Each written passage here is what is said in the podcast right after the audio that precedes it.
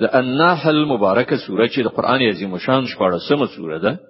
په مکه معظمه کې را نازله شوې ده یو سلو 25 مبارک آیاتونه لري تلاوت او پښتو ترجمه یې له څلور شپې تم آیت څخه اوري اعوذ بالله من الشیطان الرجیم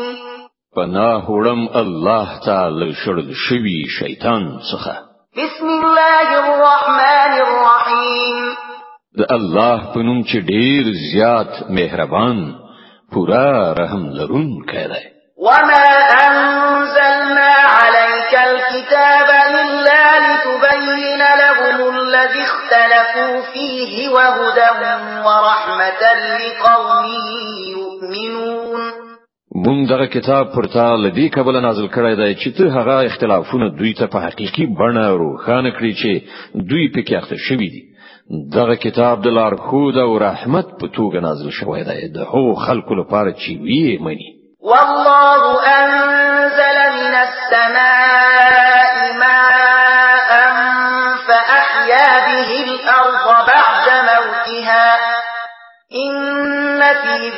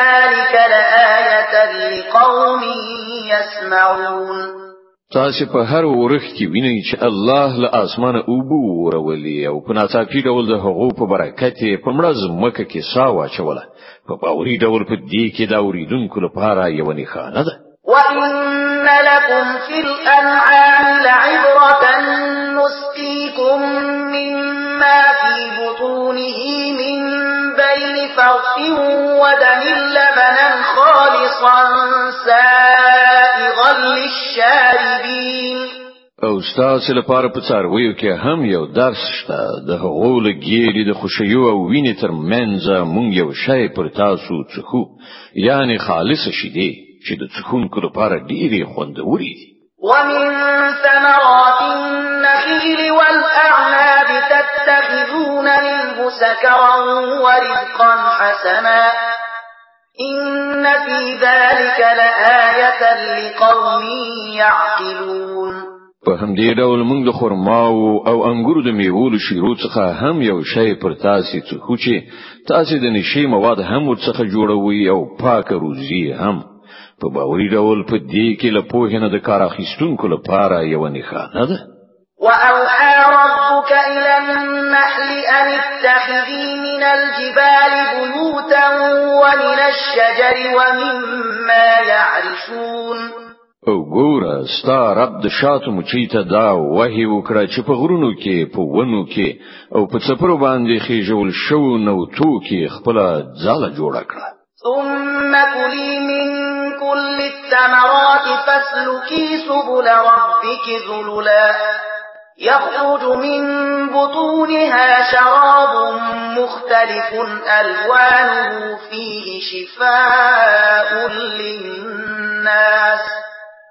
ان في ذلك لآية لقوم يتفكرون او د هر ډول میوو شیره و خورا او د خپل رب په هوارو کړو لارو اوسه د دغه مچي د خېټنه په بیلا بیلو رنگونو یو شربت راوځي چې په هغه کې د خلکو لپاره شفا ده په یقیني ډول په دې کې هم د هغو خلکو لپاره یو نښانه ده چې غور او فکر کوي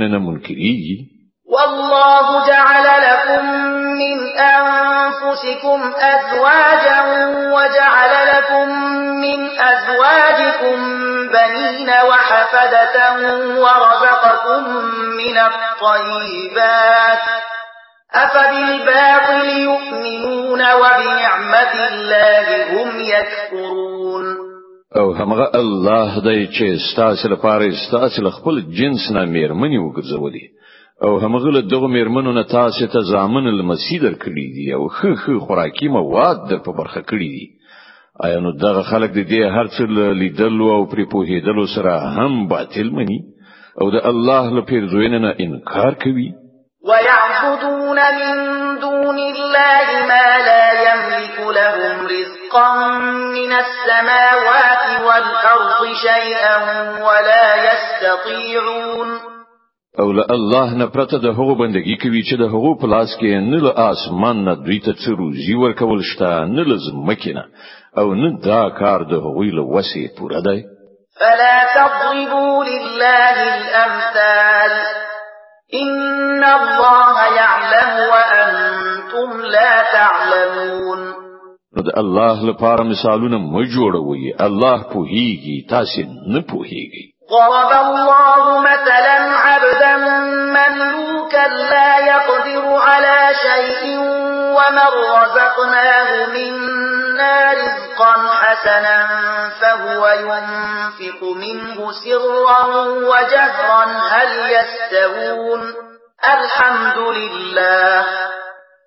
بل اکثرهم لا يعلمون الله یو مثال راوړي یو خدای غلام چې د بل چا مملوک دی او په خپل څه واک نه لري بل څوک داسې دی چې هغه ته مونږ له خپل لوري نه غوړه روزي ورکړې دا او هغه ورڅخه په کار او پټه خې لګښت کوي وایاست آیا دغه دواړه سره برابر دي سنا ستاینه الله لره ده او زیاتره خلک په دغه سیستم خبرې باندې نه پوهیږي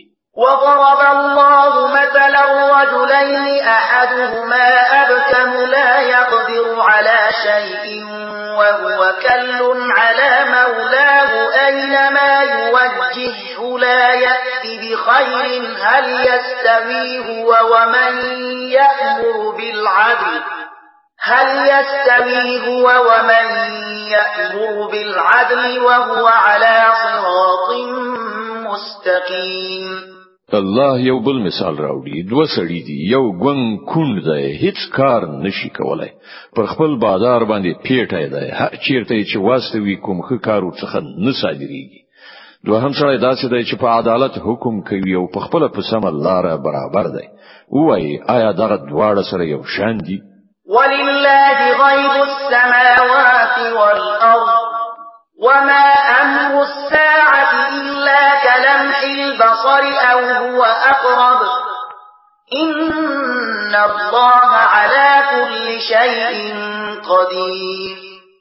او د زمکی او اسمانونو د پټو حقایق او علم خو یوازې الله لره دی او د قیامت برپا کیدو معاملې به دومره و نه زندېږي مګر یوازې دومره چې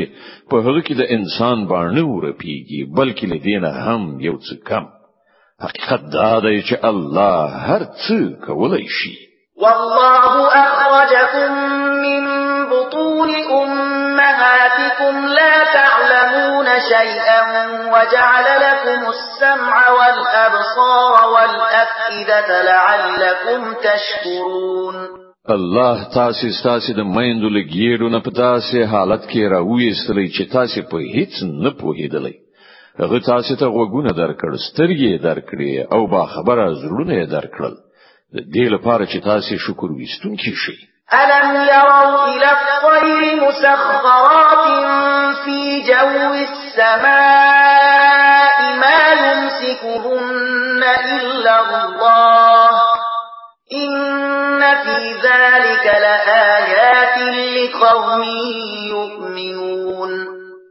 آیا دغه خلکو کله الوتونکو ته نه دي کتلی چې په آسماني فضا کې په څه شان مسخر دي یعنی په الوتو راځي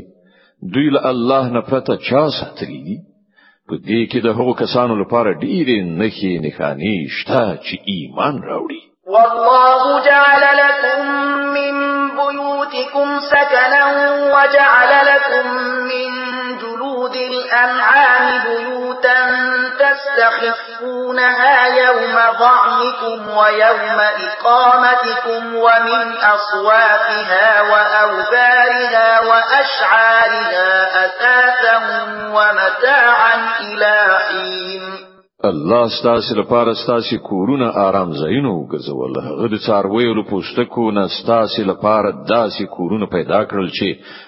تاسو هغه د کوچ کولو یعنی حمل النقل او دیر کېدو په دواړو حالتونو کې سپک مومي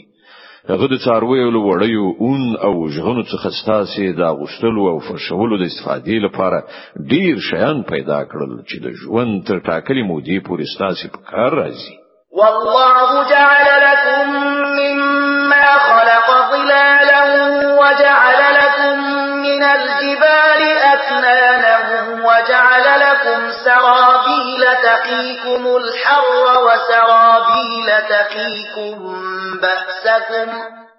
كذلك يتم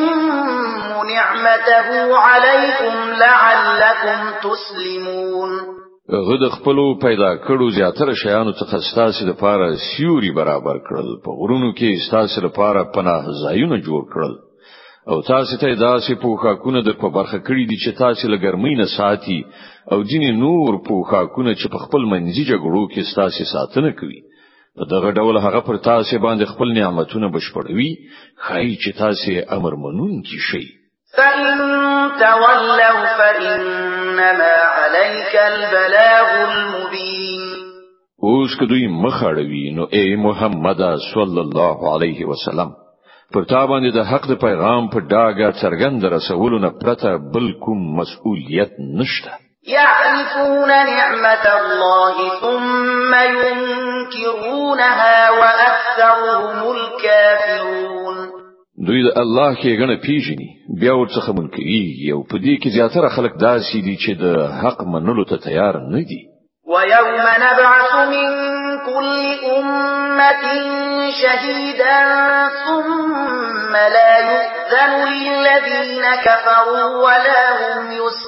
تعتدون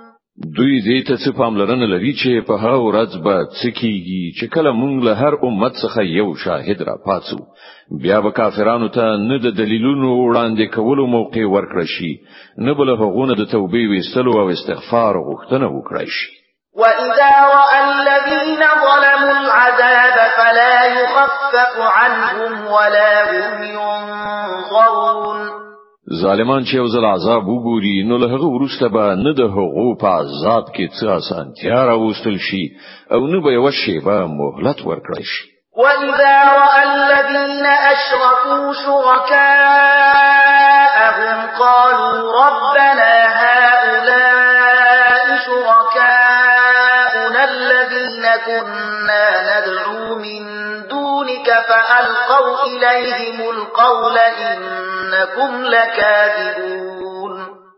او کله چې هغه کسان چې په دنیا کې شرک کړي او خپل انګیرلي شریکان وویني نو به وایي ای پروردګار دغه دي زمونږ هغه شریکان چې له تا څخه پرته مونږ را بلل یعنی نیایش کو نو د هغو معبودان به هغو ته په ډاګه ځواب ورکړي چې تاسو دروغجن یاست وألقوا إلى الله يومئذ السلام وضل عنهم ما كانوا يفترون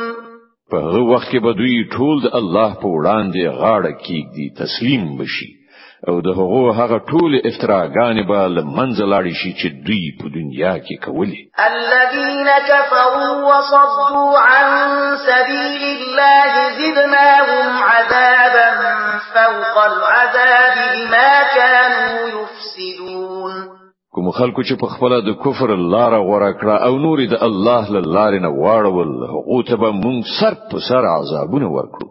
د هغه فساد په بدل کې چې هغوی په دنیا کې برپا کړی و یوم نبعث فی کل امه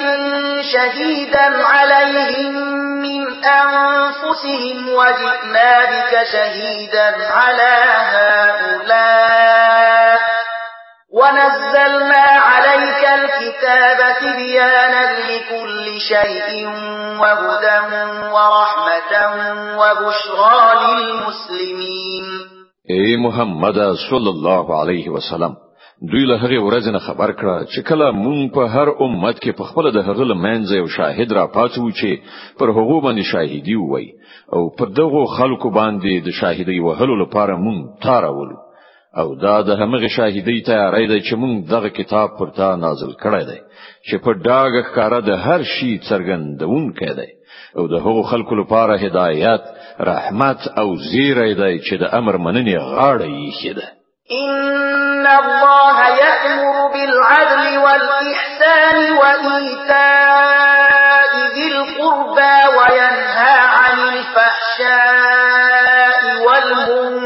المنكر والبغي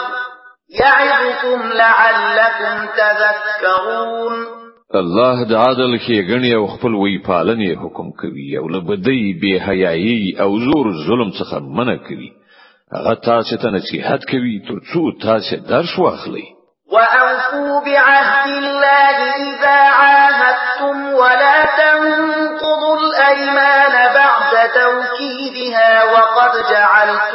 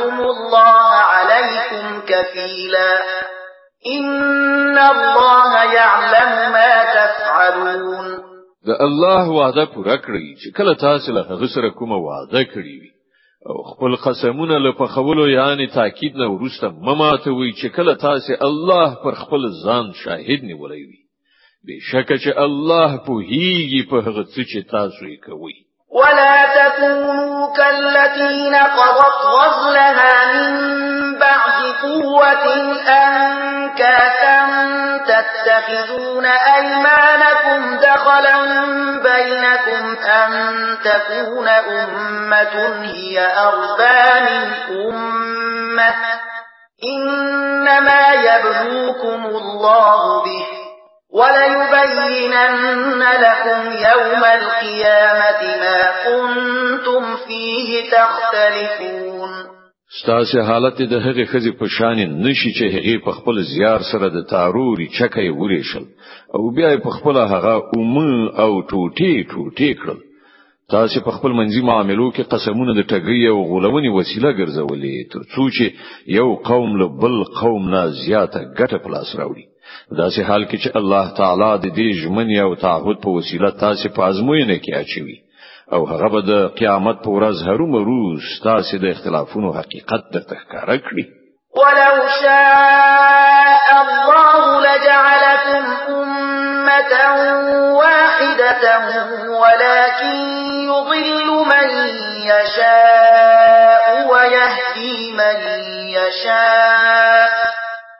ولتسألن عما كنتم تعملون که د الله اراده دا وای چې په تاسو کې د څه اختلاف نه وي نو هغه به تاسو ټول یو امت ګرځولي وای خو د هغه چې چاته اراده وي په گمراهۍ کې غورځوي او چاته چې اراده وشي سم لار ورخي او هرو مرو به تاسو نه تاسو د کړو وړو پښتنه وشي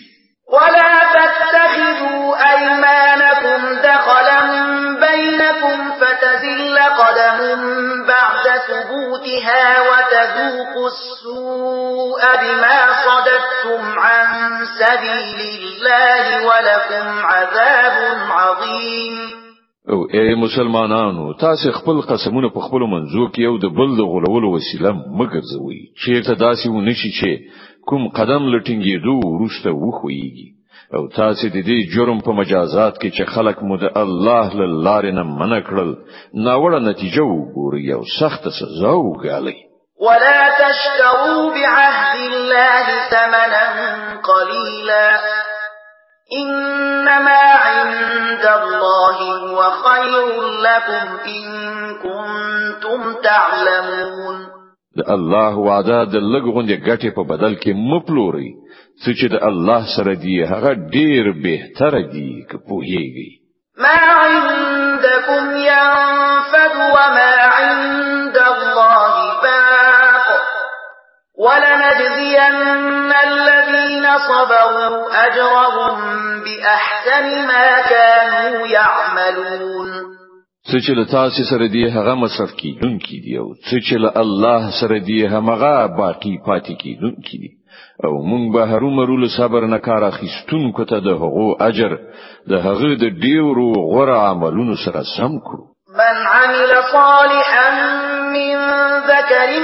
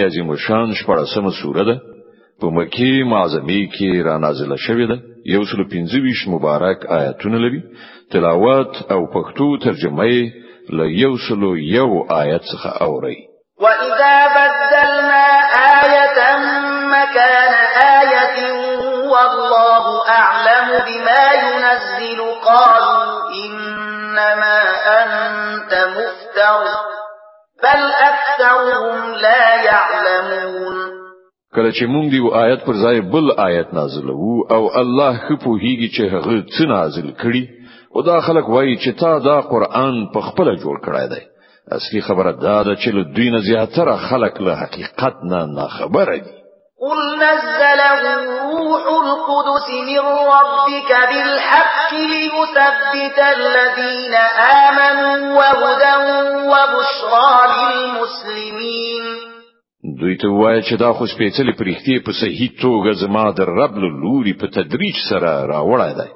ترڅو چې د ایمان راوړونکو ایمان پوخ کړي او امر منونکو ته د ژوند په چارو کې سمل لار وکړي او هغه ته د بری او نیکمرغۍ زیری ورکړي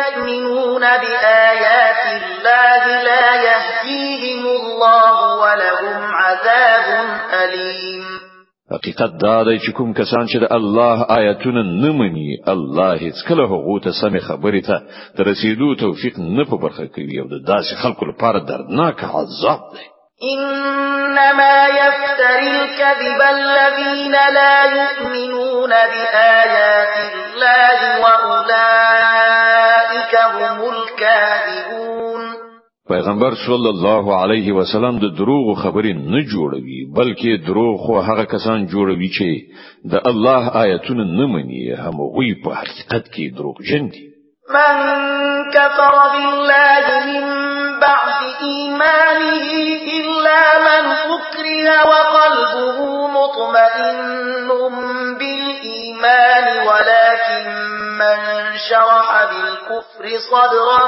فعليهم غضب من الله ولهم عذاب عظيم څوک چې له ایمان راوړلو وروسته کافر شي هغه که مجبور کړای شوی وي او زړه په ایمان ډاډوي نو بیا خو خیر دی خو چا چې په خوخی سره کفر ومانه پر هغه د الله غضب دی او د ټولو دغه خلکو لپاره ستر عذاب دی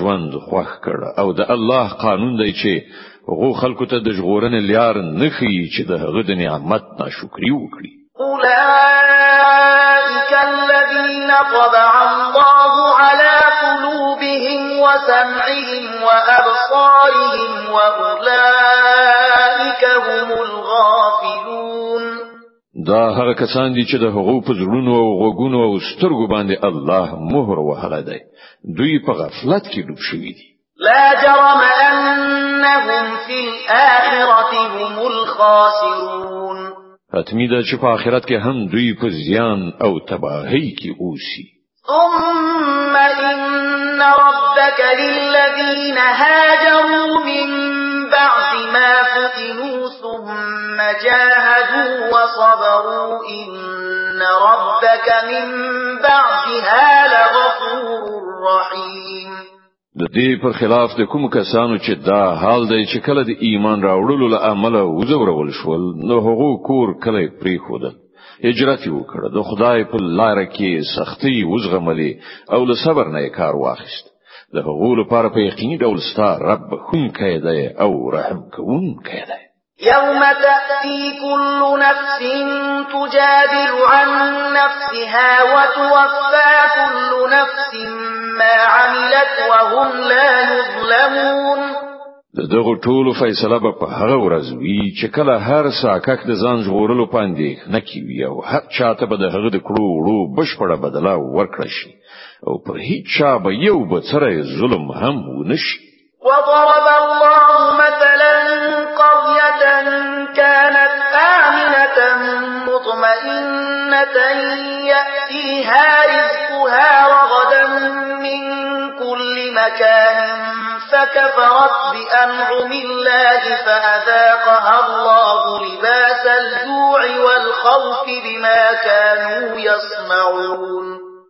الله دې وکړي د وګړو مثال راوړای دی چې هغه د ډاډین او بیغمې ژوند تیرو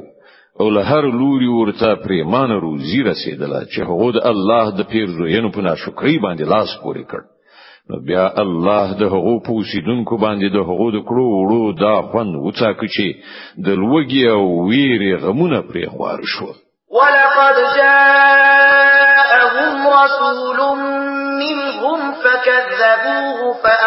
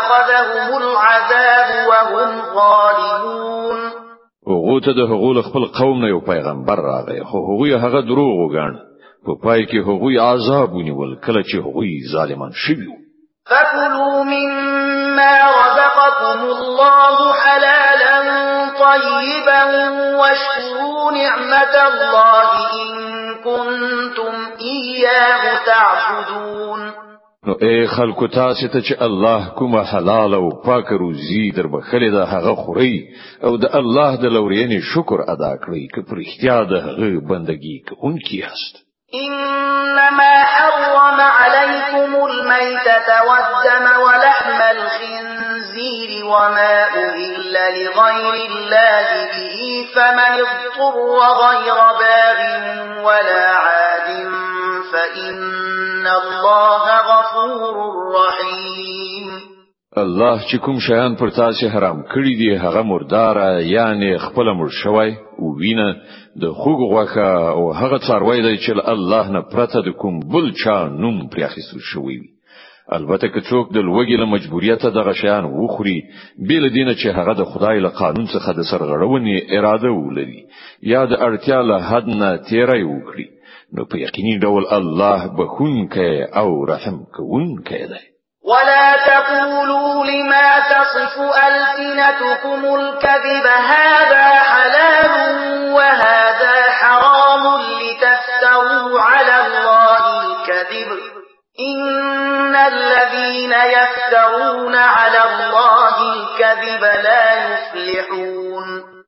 او موایي هغه څه چې ستاسو ژبه په دروغو توصیفوي چې دا حلال دی او دا حرام ترڅو چې په الله باندې په دروغو افترا وکړي څوک چې پر الله دروغ تړي هغه هیڅ کله برای نه مو متاع قليل ولهم عذاب أليم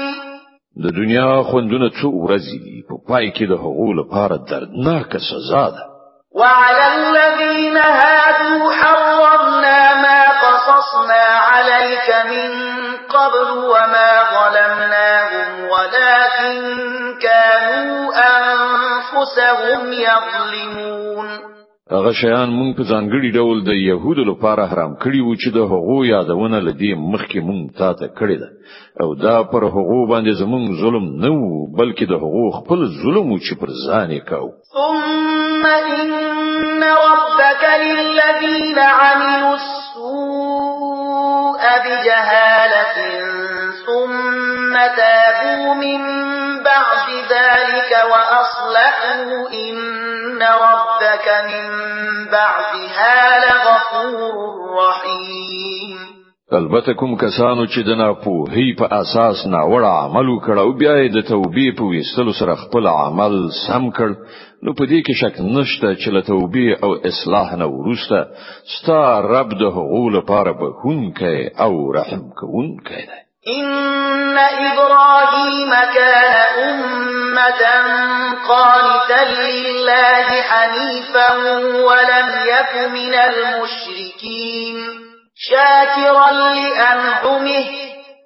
اجتباه وهداه الى صراط مستقيم واقعیت دا دی چې ابراهیم په خپل ذات کې یو بشپړ امت د الله د امر منونکی او همغه یو لوري ته مخ اړونکی هغه هیڅ کله مشرک نو د الله د پیرزینو شکر ویستونکی الله هغه غوړه کړ او سم الله ری وروخودله